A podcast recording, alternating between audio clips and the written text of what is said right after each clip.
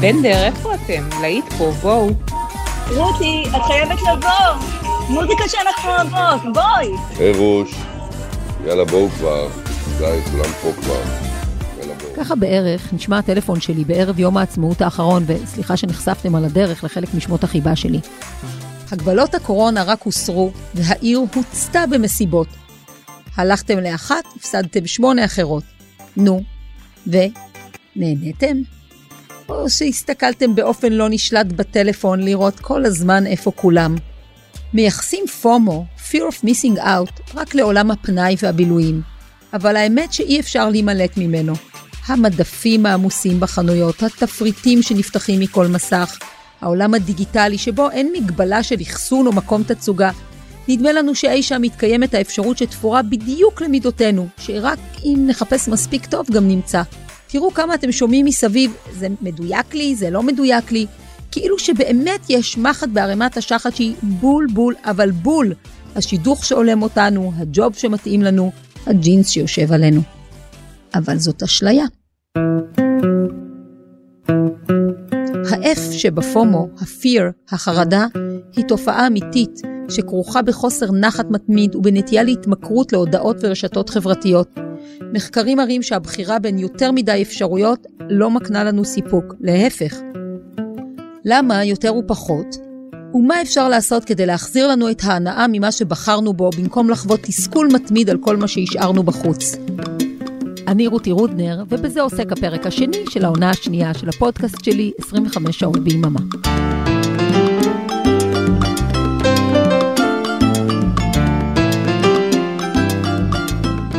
הפומו, Fear of Missing Out, בצבץ לראשונה כמושג ב-2010, וב-2013 הוכנס למילון אוקספורד.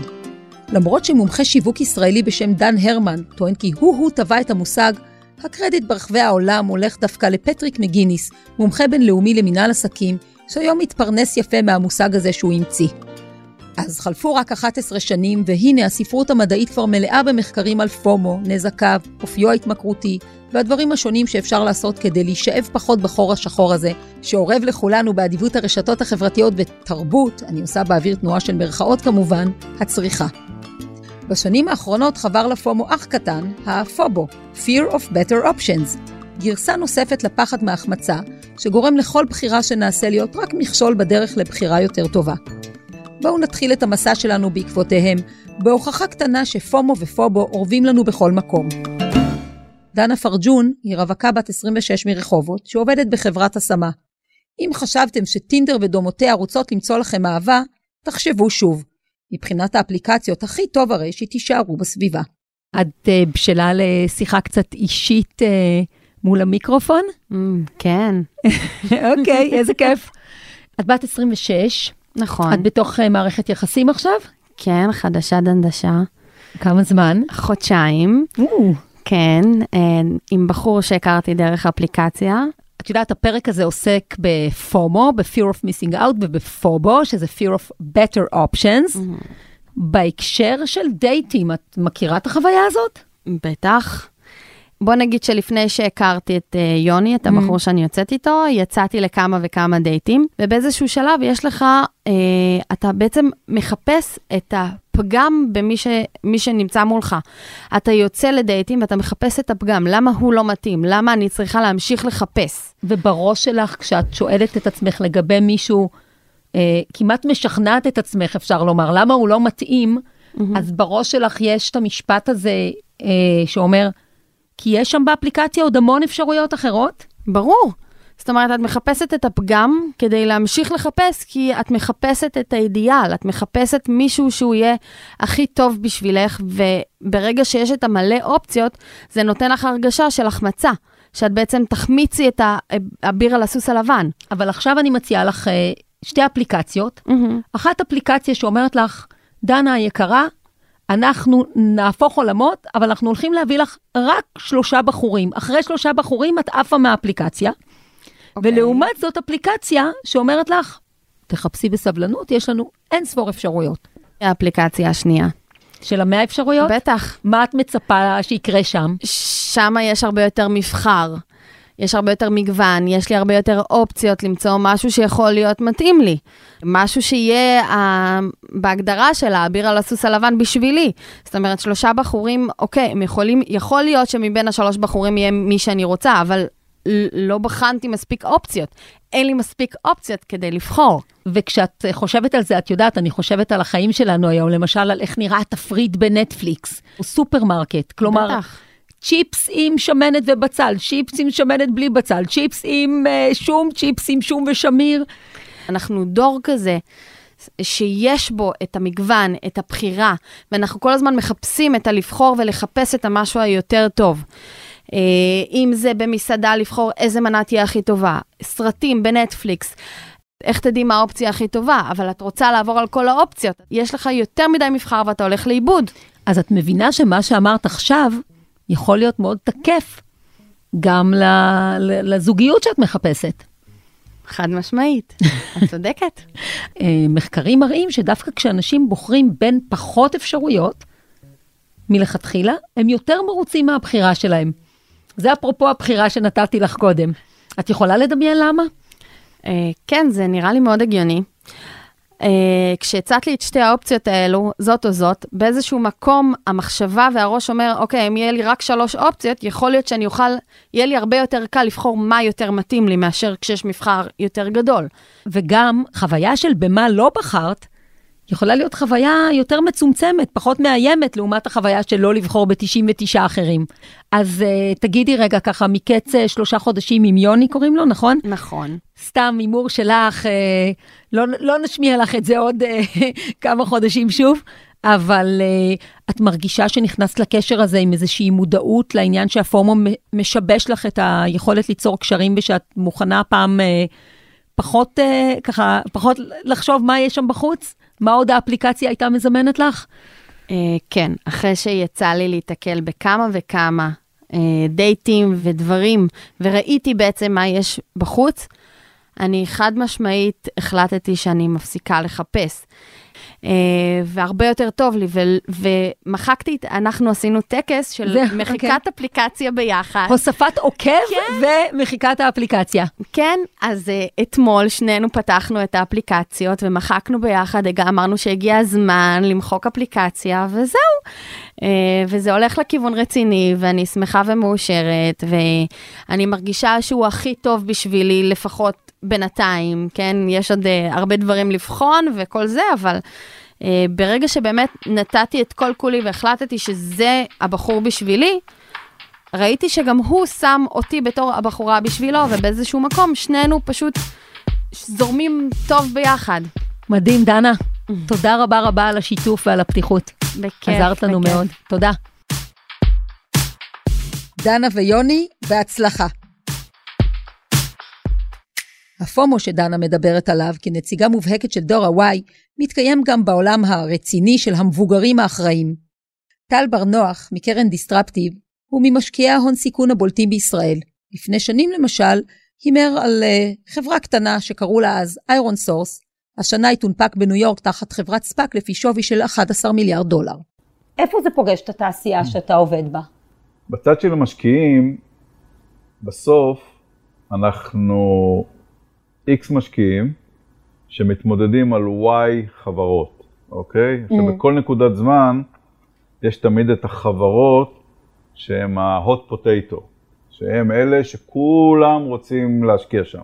במה הם hot potato? בטאלנט? יזמים מעולים, רעיון mm. נדיר. נראה כאילו שה-go to market יהיה mm. טוב, שה-product market fit יהיה טוב. רגע, אני מסבירה. הכוונה לאיך המוצר מתאים לביקוש אמיתי שמתקיים בשוק. כאילו, אתה מסתכל על זה ואתה אומר, וואו, יש פה זה, ואני אומר, הדבר הראשון והכי חשוב, לפעמים אני אומר, זה הראשון, השני והשלישי זה הצוות, אוקיי? ויש גם אלמנט של סקסיות של חברה בהקשר הזה? חד משמעית. חד משמעית. מה זה הסקסיות הזאת? מה העברה שלי? יזם שהוא second timer וכבר עשה אקזיט משמעותי, והוא יוצא לדרך, אה, אני אגיד לכם שיש עכשיו יזם שמתראיין עכשיו בזמן האחרון, שקוראים לו אסף, שהוא מכר חברה למייקרוסופט, הוא עכשיו עושה את ה- עושה את החברה השנייה, לפני שהוא הרים את היד הוא גייס 100 מיליון דולר בשבע דקות. אם היה רוצה לגייס 400, הוא היה מגייס את זה ב-13 דקות. למה? יזם מוצלח, צוות מצוין, כולם רוצים להיות בפנים. אז יש את ההילה של האלה של ה- מה שאת קוראת הסקסיות והזה. אחר כך יש את זה שיש איזו חברה שבאה אליך, אתה מתחיל את התהליך איתה, אבל אתה אומר, אופס, את מי הולך לפגוש כשהוא יוצא מפה? רק בארבעה בניינים פה יש, אני לא יודע כמה כמה קרנות. אנרגיה אפשר להשקיע בלבדוק עם מי הוא הולך להיפגש? אי אפשר. מה כן אפשר? לנסות למצות את התהליך הכי מהר שאתה יכול, בעיקר עם מי שאתה רוצה לעשות איתו. מה זה אומר? זה אומר שאתה יודע שיש לך זמן מוגבל מאוד בדיו דיליג'נס, בבדיקה, עד שאתה צריך לתת לו term sheet, הכוונה להסכם הבנות בסיסי שאחריו יש חוזה. ובזמן הזה אתה מנסה לעשות את כל מה שצריך בשביל לבדוק, ואתה יודע שיכול להיות שמישהו ידחוף לו term sheet אה, יומיים לפני שאתה תיתן לו, ואז אתה מתעצבן, כי אתה תחרותי, ואתה רוצה להיות שם, ומישהו משך לך את הזה, ואתה אומר, רגע, ואז אתה מתקשר ליזם, אתה אומר לו, או, בוא'נה, גם אני זה, ואני אתחרה, או שאני אביא לו גם, אני אתן לך גם term sheet, אני אעשה co-investment עם ההוא, או אני אתן לך הצעה יותר טובה מהשני. אין מה לעשות, עולם תחרותי, זה מה שאנחנו זה, ואנחנו כמו כל אחד אחר, אנחנו באותו מגרש, באותו משחק. האם אתה יכול לדמיין מצב או קונקרטי שקרה או תיאורטי, שבו בגלל הפחד להחמיץ ולפספס, מה שנראה כהזדמנות טובה, אולי רק בגלל שאחרים מסתכלים עליה גם, אתה אה, אה, תיגרר לסוג של, של להעלות איזה רף שלא התכוונת לעלות אליו, לשלם מחיר שלא התכוונת לשלם. התשובה חד משמעית כן. אנחנו מנסים כמה שיותר לנטרל את זה. אמר לי פעם משקיע ותיק, הוא אמר, אל תצטער על ההשקעות שפספסת, יהיה לך מספיק זמן להצטער על אלה שעשית. זה תמיד פוגש אותנו במקום הזה שאתה מנסה לנטרל את הרעשים, אתה מנסה שהפומו לא ישתלט עליך, שאתה תנהל את התהליך ולא זה. להגיד לך שאנשים לא נגררים? חד משמעית נגררים. להגיד לך שאין תופעת עדר? חד משמעית יש תופעת עדר.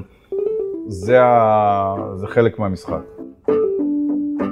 מה אם אבל אה, דווקא אה, ללכת נגד תופעת העדר, ואז להגיד, אני דווקא רוצה לחפש לא מתחת לפנס, שאלה מצוינת, ואני חושב שהרבה מנסים לעשות את זה בקרנות. אה, חלקם ממש יש להם דדיקיישן לדברים כאלה, אפילו לפרויקטים שיצמחו בתוך הבית. ה- היזמים עצמם, הם מרוויחים מהפומו של המשקיעים כלפיהם, או שלפעמים הם קצת מפסידים, ואני אסביר את השאלה. אתם עולם של טווח רחוק, נכון, לא של קוויק ווינס, נכון. של התבשלות איטית. רוב ההשקעות המוצלחות זה 10 שנים, 12 שנים כאלה. כן. אז זה כאילו כמעט הולך בניגוד למנגנון של הפחד לפספס, כי זה צריך להיות עם המון המון אורך רוח, המון סבלנות, המון ראייה באמת נורא של הרחוק, ולא של אותו פנס שמתחתיו כולם מסתובבים. מצד אחד זה מאוד נכון מה שאת אומרת, כי הראייה לטווח ארוך. מהצד השני, אתה עושה איקס השקעות בשנה. אתה לא עושה הרבה, ואתה רוצה שיגיעו אליך הטובים ביותר. והטובים ביותר זה השלוש, ארבע, חמש, שש חברות שכולם רוצים להסתער עליהן. תעשיית ההייטק, שטל הוא אחת הדמויות הבולטות בה, פוגשת את הפומו גם מזווית אחרת, שמאיימת באופן אמיתי על קצב גלגלי המשק. הייתי נוכחת בשיחה של מישהו מעולם מתחמי העבודה, שהרבה סטארט-אפים יושבים בהם, כן. והוא אמר שהשוק בשגעת, שאנשים לא מוצאים עובדים. כן. מה קורה? אז זה, ה... זה הפובו. בסוף אנשים מסתכלים על ה... מה ה-best opportunity שלהם. יש כאלה שמנסים למקסם כל הזמן, אוקיי?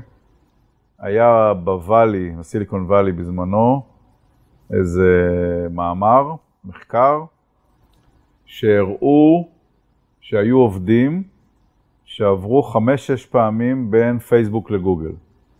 עכשיו, מה הם עשו? הוא התחיל לעבוד בגוגל, קיבל RSUs, שזה מניות, Mm. המניות חסומות לשנה. אחרי השנה הם השתחררו, עבר לפייסבוק. קיבל בונוס חתימה לזה שהוא מצטרף לפייסבוק. קיבל RSU, שנה חסימה. אחרי שנה עבר לגוגל. קיבל מענק חתימה, קיבל RSU. and on and on and on. נשמע מדהים, בואנה, שיחק את הקלפים שלו הכי נכון. זה מצד אחד. מה הצד השני? מצד השני, אתה מבין שחלק מהנושא של, לא רוצה לקרוא לזה חוסר נאמנות, אבל הבעיה של המעבר עובדים הזה, בסוף לארגון יש identity, יש לו DNA, ל corporates, לחברות האלה, הן בונות המון המון המון את התדמית, את ה brand, את כל זה. אחת הבעיות שקרו פה בארץ, אה, נכנסו החברות הבינלאומיות. והחברות הבינלאומיות, חלקן מוכנות לשלם סכומים מאוד מאוד גבוהים לעובדים, ויש headhunters שיושבים ומנטרים את העובדים של החברות הישראליות, ומושכים אותם אליהם. מה? זה חלק מהאירוע. כשאתה קורא מחקרים שעשו על, על פומו, כלומר יש ממש מחקרים שמראים שככל שיש לאנשים יותר אפשרויות לבחור ביניהם, כן. הם יהיו פחות מרוצים גם מהאפשרות שלכאורה היא אפשרות, אתה יודע, ברור. ו, אז קודם כל ירידה במדדי העושר, נטייה יותר גבוהה לדיכאונות, ובאיזשהו אופן חוסר נחת מתמיד.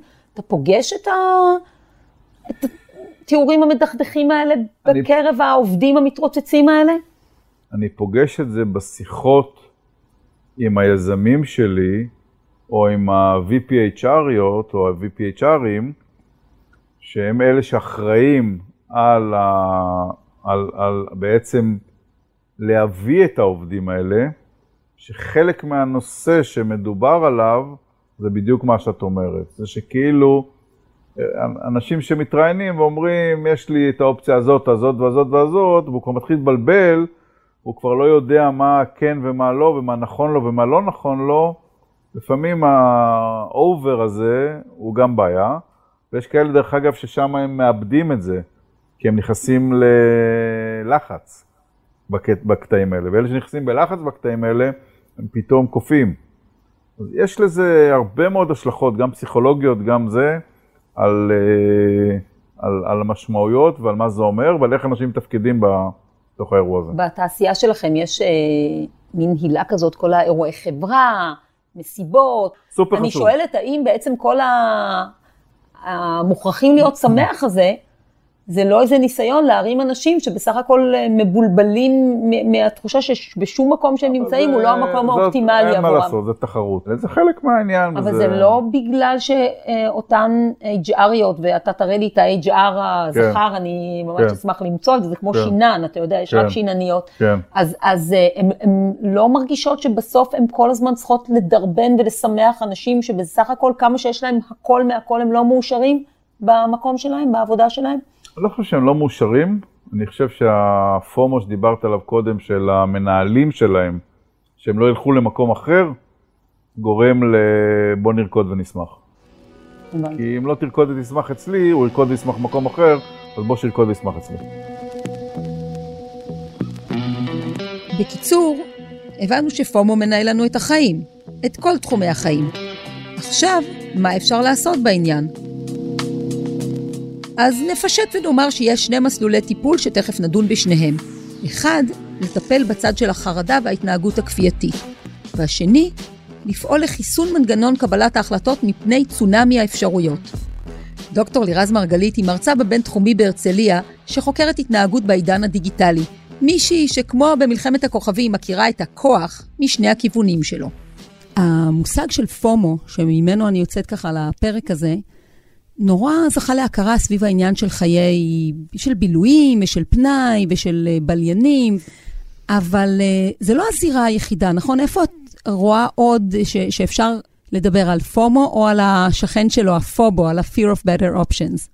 אז למשל, בלימודים עשו סקר בשנה האחרונה והראו שמעולם בהיסטוריה, לפחות אצלנו פה בעולמנו הצר, לא היה אחוז כל כך גבוה של אנשים שהתחילו תואר ראשון וסיימו באמצע. ואני כן מייחסת את זה לסיפור של הפחד מהחמצה, מסיבה מאוד פשוטה. כי בסופו של דבר הקושי בכלל לקבל החלטה, יש לנו היום מגוון כל כך רחב, היצע כל כך רחב של uh, מקצועות לימוד, שאנשים, בעצם זה שהם uh, לומדים מקצוע אחד, זה אומר שהם מוותרים על אי אלו מקצועות נוספים. והפחד הזה פשוט שולט בנו ומעצב לנו את כל החיים. ואני אגיד לך דבר נוסף שהוא ברמת מש, המשגע אותי. אנשים בטוחים שככל שיש יותר אפשרויות, שאת הזכרת פה את הפובו וגם עליו נדבר, אז בעצם הלקוח יהיה יותר מרוצה. יש לנו איזשהו רעיון בחברה המערבית, שככל שיש לנו יותר אפשרויות, אז אנחנו נהיה יותר מאושרים. אם אני מדברת איתך על המדפים מלאי הקורנפלקסים בסופר, או הריבות או הגלידות, כביכול זה בעצם יבטיח לנו שבטוח נמצא את מה שאנחנו נרצה. אבל מה קורה? הציפיות שלנו, הרף הציפיות שלנו עולה לשמיים, כי אם יש כל כך הרבה אפשרויות, בטוח אני אמצא את מה שמושלם, אבל אין מושלם, זאת אשליה. ואז אנחנו נכנסים למעגל שאנחנו לעולם, לעולם לא יוצאים ממנו של חוסר שביעות רצון תמידי. המעגל הזה, שבאנגלית מיטיבים לתאר אותו כ-vicious circle, על מה הוא יושב, ממה הפחד, מה הצורך ומהו התגמול המיוחל שבעצם הם מסתובבים, אה, מסובבים אותנו. לכל אחד מהרגשות שלנו יש תפקיד אבולוציוני מאוד מאוד ברור. עכשיו, אם אנחנו מדברים על ה-fear of better options או ה-fear of missing out, למעשה הוא יושב בדיוק על אותו מנגנון פחד. הוא יושב באזור שנקרא אמיגדלה, שזה מרכז הבקרה הרגשית שלנו, ואנחנו לא רוצים להפסיד שום דבר, כי בטבע, אם אני הפסדתי רגע איזשהו עץ או איזושהי כוורת דבש ומישהו אחר הצליח אה, להגיע לפניי, זה אומר שאני לא יכול לשרוד. זה אומר שהסיכוי שלי לשרוד הוא פחות טוב. היום, כשכל הסיפור הזה השתנה, אז המערכת שלנו לא מותאמת, אבל אנחנו עדיין אותם רגשות. אה, כלומר, אנחנו חיים במציאות של שפע שבה חלות הדבש המטאפוריות האלה מקיפות אותנו מכל עבר. ותני מילה מההתבוננות שלך על המצוקה. למה בעצם זה לא טוב? איפה, איפה המחירים? הלוואי שזה היה כך. מעולם לא נכתבו כל כך הרבה ספרי עושר או איך להיות מאושר כמו בחמש השנים mm. האחרונות, ועדיין אחוז המקרי הדיכאון והחרדה מעולם לא היה גבוה יותר.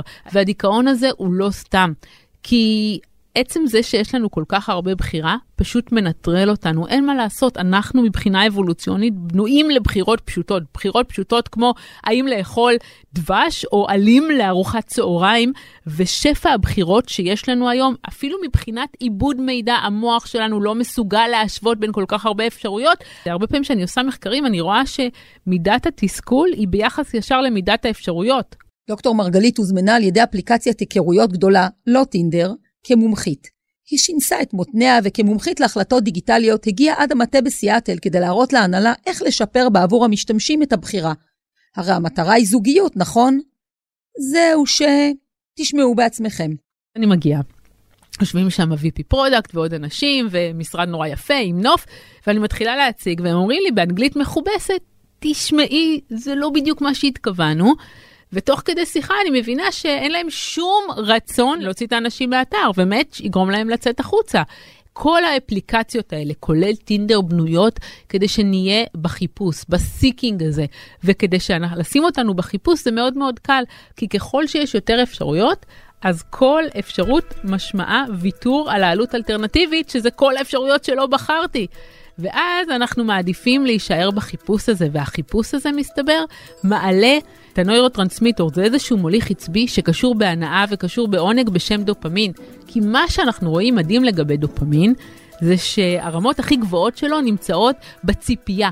וכשאנחנו סוף סוף מקבלים את מה שחשבנו שרצינו, הן יורדות משמעותית. בעצם את אומרת שחלק מהמלכודת הזאת שאנחנו נופלים אליה פה, היא זאת שבעצם החיפוש כבר מייצר לנו את הדינגים האלה של הדופמין. הרבה יותר, אה, בדיוק. עכשיו, מה חברות הטכנולוגיה עושות? הם התלבשו על הדופמין, ממש. אני, אממ. ברמה של המהנדסים בסטנפורד, לוקחים על זה קורסים. ואם אנחנו מסתכלים רגע על האבולוציה של פייסבוק, שהיא אחת מיצרניות הפומו הכי גדולה שיש, אם אפשר להגדיר אותה ככה, בהתחלה היא נתנה לנו נוטיפיקציה כשמישהו הציע לנו חברות. היום יש לנו נוטיפיקציה, אם יש לה איזה זיכרון, אם מישהו בקבוצה אמר משהו, אם מישהו בקבוצה אמר משהו על משהו שאנחנו אמרנו. כלומר, היא מצליחה לייצר המון המון דרכים לשלוח לנו נוטיפיקציות. ואני מדברת על זה בהרחבה בספר שאני כותבת, על עיצוב התודעה, על איך למעשה כל ענקיות הטכנולוגיה מעצבות לנו את התודעה באופן בלתי מודע, ואנחנו בטוחים שיש לנו בחירה חופשית, אבל אנחנו קמים בבוקר וחושבים שאנחנו מחליטים מה לאכול, מה לשתות, אבל למעשה, למי להציע חברות, איזה מלון ניקח, איזה נעליים נקנה, הכל מהונדס היטב, ברמה שזה בלתי נתפס. תגידי, מעניין אותי, כי את נמצאת במצב, את יודעת, את כמו ההאקרים, שהם יכולים להיות בסייבר ולהילחם, או להיות בדארקנט. ובטח בתור מי ש, שחוקרת בדיוק את העולם הזה, כמה את אה, חוצה את הקווים? את נגעת פה בנקודה מאוד מאוד רגישה אצלי, כי אני הייתי לגמרי בדארקנט, אני עבדתי במשך שש שנים עם חברות שכל מה שעזרתי להן לעשות זה לבוא ולגרום לאנשים לקנות יותר, לקרוא כתבות מסוימות ולא אחרות, לעשות profiling ברמה שאני ידעתי על פי התזוזה של משתמש, איך הוא מרגיש, מה הפרופיל שלו, האם הוא ב-11 בלילה מסתכל על האקס שלו בפייסבוק, ואז אם כן, האם זה הזמן להציע לו מוצר כזה או מוצר אחר, ומה סוג הרגישות שלו. אני יכולה להגיד לך שלפני כל הפרשה של קיימברידג' אנליטיקס שהתפוצצה, בלי שאני ידעתי, הם התייעצו איתי באמת על איך לייצר מידע מתוך פרופילים בפייסבוק. אז כן, הייתי לגמרי שם, עד שהחלטתי הבנתי פשוט מה אני עושה, אני הייתי לגמרי בתוך זה. Mm-hmm. והיום אני כן מעבירה סדנאות, אבל אני מתחילה כל סדנה שלי באמנה של אתיקה, של בעצם לא לקחת את הדברים האלה ולייצר מניפולציות. כמובן שאני, את יכולה להגיד לי שאני משקרת לעצמי, כי לכי תדעי מה הם יעשו עם זה אחר כך. פרופסור ברי שוורץ, הפסיכולוג, טבע את המושג פרדוקס הבחירה. את ההרצאה שלו בטד בשם הזה, אני ממליצה לכם מאוד לראות. שוורץ הראה במחקריו עד כמה ריבוי אפשרויות דווקא מצמצם בצורה משמעותית את הסיפוק שלנו, וטבע שני מושגים שימושיים לנו מאוד, הממקסם, המקסימייזר, והמסתפק, הסאטיספייר. הראשון לא נח עד שיבדוק כל אפשרות, השני נוטה לבחור באופציה הראשונה שפגשה את הקריטריונים לחיפוש. מיד נבין יותר.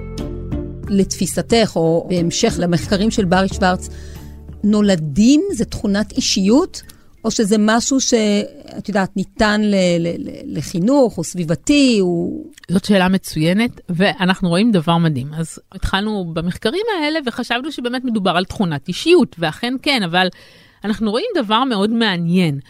אנחנו רואים שככל שהעולם הולך וההיצע גדל, ההיצע של האפשרויות, שיש כל כך הרבה מוצרים בכל קטגוריה mm. ובכל שירות, אז אנחנו רואים שאחוז המקסימייזר בחברה הולך וגדל באופן יחסי מאוד מאוד משמעותי. כלומר, זה בסופו של דבר גם הסביבה מעצבת לנו את תכונות האישיות, וכולנו הפכנו להיות סוג של מקסימייזר. כשיש כל כך הרבה אפשרויות בשלט, אז אנחנו מחליפים אותם כדי לא להפסיד איזה תוכנית שאולי יותר יפה. פייסבוק הוא מפעל לייצור דופמין, אמרה לי דוקטור לירז מרגלית. משפט חזק, כשחושבים על האופן שבו אנחנו מתמכרים אליו, ופייסבוק אני מזכירה, גם בעלים של אינסטגרם ווואטסאפ, אז אל תמהרו לומר, היי, hey, אני לא שם. על הקרקע ההתמכרותית הזאת התפתחה גם כלכלת המשפיענים. אנשים שאם תסתכלו על זה בציניות, פשוט מקבלים כסף כדי לגרום לכם פומו. תחושה שאתם מפספסים. תני לנו עכשיו ככה קצת את המסלול, אה, איך, איך יוצאים מהלופ הזה. מאוד קשה לצאת מהלופ הזה, בעיקר בעידן הטכנולוגיה. אחד הדברים שאני עשיתי באופן אישי שמאוד עזרו לי, זה קודם כל לכבות נוטיפיקציות. כלומר, אוקיי, יש נוטיפיקציות מהרשתות, יש נוטיפיקציות מהוואטסאפ, אבל אם אני רוצה עכשיו לשבת, להתרכז, לכתוב מאמר, אני סוגרת את זה, זה נורא קשה בהתחלה, אבל אז ברגע שמתרגלים, את נמצאת ממש ב mindset אחר לגמרי. יש אה, עוד משהו שרציתי לבדוק איתך, כי את הזכרת אותו בהתחלה, וזה לבחור מתוך פחות אפשרויות. נכון. האם בהינתן זה שהתגלה שככל שיש לנו יותר אפשרויות, הסיפוק שלנו מהבחירה שנעשה יותר נמוך, למה לא בעצם לייצר, למשטר, למסגר מלכתחילה פחות אפשרויות. נכון, וזה בדיוק כמו הדוגמה שנתתי עם הלכבות הנוטיפיקציות. כלומר, מראש להנדס את עצמנו, בהינתן שאנחנו מכירים את עצמנו, להגביל בחירה. כי באמת, אחד הניסויים הכי מעניינים, שהכי מדוברים בפסיכולוגיה של אממ. קבלת החלטות, זה הניסוי ה jam experiment. ניסוי הריבה נערך בשנת 2000 על ידי שני פסיכולוגים אמריקאים וזכה מאז לגרסאות רבות שאיששו את מסקנותיו. החוקרים הציבו בסופרמרקט בשני ימים רגילים לחלוטין פעם אחת דוכן עם 24 טעמי ריבה, ובפעם השנייה דוכן עם שישה טעמים בלבד. וכן, התור שהשתרך בדוכן עם הטעמים המרובים היה ארוך יותר. יותר אנשים חשבו ששם ימצאו את מבוקשם, ראו את אה, דנה שלנו וההצעה שלי על האפליקציות. אבל התבררו שני דברים. לא רק שאחוז הקנייה בדוכן השני היה הרבה יותר גבוה, אלא גם הסיפוק של הקונים מהמצרכים, שנבדק בהמשך. כשאנחנו הולכים לקנות בושם, אנחנו שמים שניים שלושה, וברביעי אנחנו כבר לא יכולים, גם המוכרות ממליצות שלא, מכיוון שאנחנו כבר אדישים לזה. אותו דבר בדיוק עובדת המערכת שלנו, ולכן שניים שלושה וסטו. תגידי, את חווה את עצמך כמקסימייזרית או כסטיספיירית? ממש לא נעים לי לענות לך על זה, אבל אני לצערי מקסימייזרית מובהקת, כן, לגמרי. הסנדלרית שלנו יחפה, ולא רק היא. תרבות שלמה שלא מוצאת נעליים למידתה. את דוקטור שלמה מנדלוביץ' כבר אירחתי פה בפודקאסט בעונה הראשונה.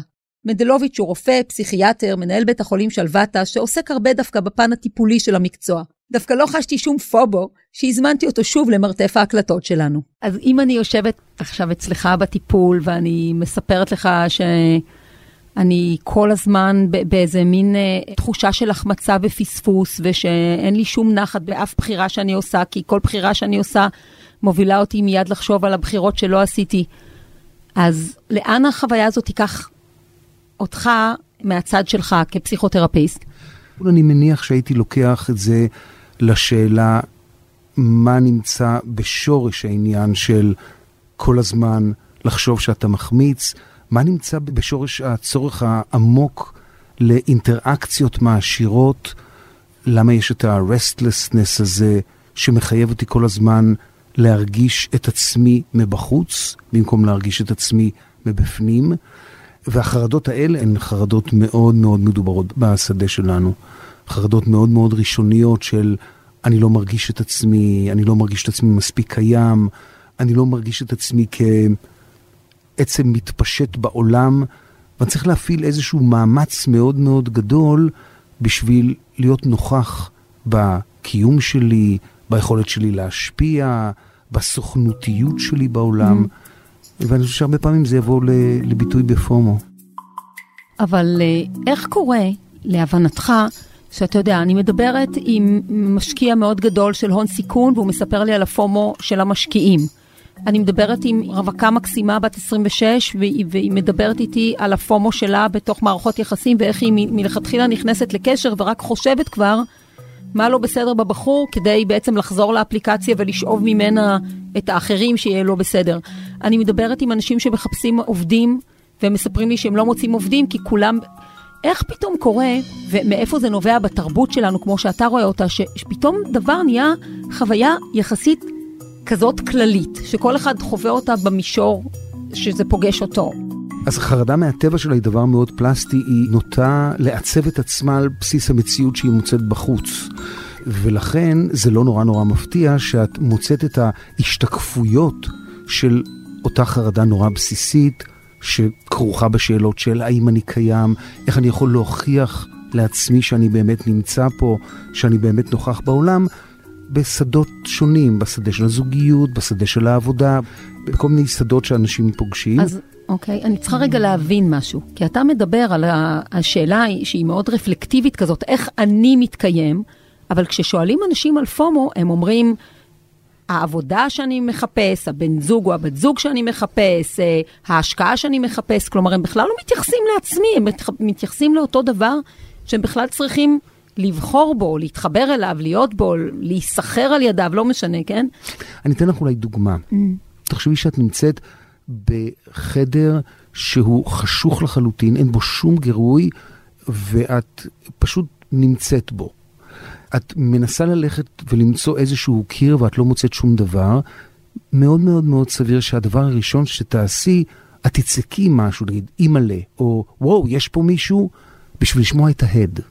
את רוצה לשמוע את ההד בשביל להיווכח שאת באמת נמצאת שם. ברגע שתשמעי את ההד, תתחילי ללכת ולחפש את הגבולות, את הקיר, ותתחילי לשרטט, לעשות איזושהי מנטליזציה של המקום שבו את נמצאת. כאשר אנשים נמצאים בתוך חרדה כזאת, בתוך מקום שבו הם לא יכולים באופן מובחן להרגיש את עצמם או את סביבתם, זה מה שהם מנסים להפעיל. אז במקום לצעוק, אימא'לה, או היי, יש פה מישהו, הם ינסו לשגר הודעה אינטרנטית, הם ינסו לייצר איזשהו קשר, הם יהיו שקועים בפחד שהם מפסידים סוג של משהו אינטראקציונלי כזה, שייתן להם באמת את תחושת חוויית הקיום שלהם. בפומו יש הרבה קנאה באחרים. אלה נמצאים במסיבה, אלה קיבלו בונוס בעבודה, אלה החברה של הייטק שהם עובדים בה עושה מסיבות משגעות, זאת יוצאת עם בחור מטורף שהם, אה, כאילו אפליקציה יותר הצליחה במקרה שלה, whatever. יש הרבה קנאה בחוויה של הפומו באחרים. ושאלתי, האם אין גם איזה רגע שבו לקנאה הזאת יש גם מה שנקרא קנאה בריאה? פומו היא לא תופעה לא תקינה. כמו בכל מקום בנפש, פומו היא הגזמה של תופעה נורמלית. התופעה הנורמלית היא שבשביל להרגיש את עצמנו, אנחנו צריכים מגע עם החוץ. אנחנו לא יכולים להיות בעולם הזה בלי שיש לנו מגע עם חוץ. פומו מביא את הדבר הזה, את המגע הזה, לכלל איזשהו משהו שהוא מרובה מדי, אבסורדי מדי, דמיוני מדי. אז לא, אנחנו לא רוצים להיות בתוך עמדה אוטיסטית, מתכנסת, שלא פונה החוצה. אנחנו רוצים להרגיש את החוץ בתוך המורכבות שלו, בתוך קבלת החלקיות שלו, בתוך קבלת הסופיות שלו, בתוך קבלת המורכבות של הקשר שלנו איתו, בתוך הריאליסטיות שלו, בתוך זה שהוא ריאלי, שהוא לא כמו שנראים אנשים באינסטגרם, אלא עם כל הפיצונים וכל התקלות האחרות שיש שם. כך אנחנו רוצים את המציאות. אז למשל עצות uh, מהעולם של uh, למחוק את הפייסבוק, uh, לסגור את הטלפון, כאילו עצות מאוד uh, התנהגותיות כאלה. זה משהו שאתה רואה את עצמך משיא למטופל שלך? מאוד, מאוד. אני חושב שאולי קצת נוח לחשוב על זה קצת כמשהו התמכרותי. כלומר, יש בי איזושהי חרדה, חרדת עומק, אני מנסה לתקן אותה, ובגלל שהיא עושה לי טוב, אני לאט לאט מתמכר אליה, אבל אז כמובן עוצמת התיקון שלי גוברת. ובמובן הזה, נגיד, לסגור את הפייסבוק, לסגור את האינסטגרם, להפסיק את כל ההתקשרויות האינסופיות האלה, הוא התחלה של פתרון מאוד טוב, כי הוא בעצם מאלץ אותי, אחד, להימנע מתוך מאמצי תיקון שהם בהרבה מאוד מובנים יכולים להיות נזקיים עבורי, ושתיים, זה קצת מחייב אותי להסתכל פנימה. ועוד uh, בדיקה של עוד פתרון, אני מנסה לך את כל המתכונים. עוד דבר שמדובר עליו בעולמות של אה, חקר קבלת ההחלטות והפסיכולוגיה ההתנהגותית, זה המחקרים האלה שמראים שככל שאנשים בחרו מבין פחות אפשרויות, הם היו יותר מרוצים, יותר מסופקים, לא במובן של ספק, אלא של סיפוק, מהבחירה שלהם. ושבמובן הזה יש איזה מין המלצה לא לבחור, אה, לצורך העניין, לא ללכת לסופרמרקט שיש, אה, לא יודעת, אני רוצה להגיד 20, אבל יכול להיות 200 סוגים של מיונז, אלא ללכת למכולת הקטנה שבה יש אה, שלושה סוגים. איך זה כעצה להתמודדות עם, עם חוסר סיפוק המתמיד הזה? כי היא גם מאוד מבחוץ פנימה. אני חייב להגיד שזה נשמע לי מאוד מאוד מאוד מאוד הגיוני, יש בזה הרבה מאוד כוח. אני כן אגיד שהרבה מאוד פעמים אנחנו, כשאנחנו מתמודדים, נגיד, בבית חולים, בבית חולים שלוותה, מתמודדים עם מצבים שבהם אנחנו צריכים שיתוף פעולה של המטופל, שהוא מאוד מאוד מאוד מהיר. השיתוף פעולה צריך להיות מאוד מהיר והרבה פעמים יש לו גם מחירים מאוד גדולים, נגיד להתאשפז, אנחנו עושים בדיוק את הדבר הזה. אנחנו מייצרים איזושהי דיכוטומיה של שתי אופציות שהן מקוטבות מאוד, ואנחנו בעצם מציגים את הפיצול הזה באופן כזה שמנטרל איזה מין התעסקות מיותרת עם מגוון אינסופי של אופציות שהן תוצר של משא ומתן שהמטופל לא רק שלא מסוגל לו, אלא גם מזיק לו, אנחנו משתמשים בדבר הזה במצבי קצה של קיום אנושי, נגיד במצבים פסיכוטיים, זה דבר מאוד מאוד מאוד מקובל. בהיגיון הבריא שלי זה נשמע לי אחלה. אני קודם הצגתי את השאלה הזאת בצורה אחרת לבחורה שראיינתי על הפומו של רווקות, ושאלתי אותה אם היו מציעים לך אה, לבחור בין שתי אפליקציות. אחת שאומרת לך, נחפש מאוד מאוד קשה, אבל נמצא רק שלושה בחורים, ורק איתם את יכולה... זה כל האופציות שיש לך, והאפליקציה השנייה אומרת לה, בהתחלה אמרתי אין ספור, אבל אני אומרת 100 אופציות, 200 אופציות, 300 אופציות. ברור לך במה היא בחרה, נכון? אה, זה ברור. למה? אה, את יודעת, אני חושב, אני רוצה אבל לתת פתרון אלטרנטיבי, ברשותך. אוקיי, אני אשמח. אני אומר משהו שהוא אולי קצת uh, far-fetched, קצת מרוחק לאנשים שנמצאים מאוד בתוך הסביבה הזאת, אבל אני אישית, כמישהו שמתעסק בנפש האדם באיזשהו רובד לא מודע של אותה נפש, אני לא יודע מה זה בחירה טובה. אני יודע שיש לנו מציאות, והתפקיד שלנו הוא להעמיס עליה טוב, משמעות, מינוף עתידי, התפתחות, גדילה. במובן הזה, אולי, אולי, אולי האפליקציה הכי מוצלחת שאני יכול להציע, היא האפליקציה שהיא היא, היא קצת כמו שזה נעשה בעולם החרדי. אין לך אופציות. יש לך אחד. התפקיד שלך הוא על האחד הזה לייצר משמעות, גדילה, חופש, אוטונומיה. במובן הזה, החיפוש אחרי האופציה הנכונה יותר, יש לו גם מחיר, כי הוא מנטרל את האחריות שלך להעמיס על המציאות הקיימת את מה שאת אמורה להעמיס. ובמובן הזה אני חושב שאחד מהדברים החזקים ביותר, נגיד בעולם של חדר טיפול, הוא ש... אנחנו מהר מאוד מבינים שאנחנו כבני אנוש לא מוצאים משמעות. אנחנו מייצרים אותה. אנחנו לא מוצאים בן זוג, אנחנו מייצרים זוגיות. אנחנו לא מוצאים עבודה, אנחנו מייצרים משמעות על עבודה קיימת. והמסלול הזה הוא לא מסלול שהמטרה שלו היא לעקוף את הפומו, אלא בתפיסה שלנו, או אולי קצת שלי, היא תפיסה שמגדירה את מה זה האנושי. אנחנו נמצאים בתוך עולם שהדבר הטוב ביותר שאנחנו יכולים לייצר מבחינתנו הוא להכיל אחריות אתית עמוקה, לייצר בו משמעות על כל רבדיה. פומו זה הבריחה מזה. חייכתי ככה כשהתחלת לדבר על זה, כי לי יש ממש משפט, אתה מכיר את זה שיש איזו ברכה שאתה כותב למישהו לחתונה, ואז אתה קולט, וואו, זה כל כך מה שרצית לומר, ואז מסכנים כל הזוגות שמתחתנים, אתה כותב להם את הברכה הזאת בוורסיה כזאת או אחרת. נכון. אז אצלי זה תמיד שאני אומרת שאני מאוד לא אוהבת את המושג הזה, מצאתי בן זוג. כי אני אומרת לאנשים, זה, זה כמו, עכשיו מתחילה העבודה. כלומר, נכון. יש איזו תחושה של הנה מצאתי וזהו, יש לי את זה.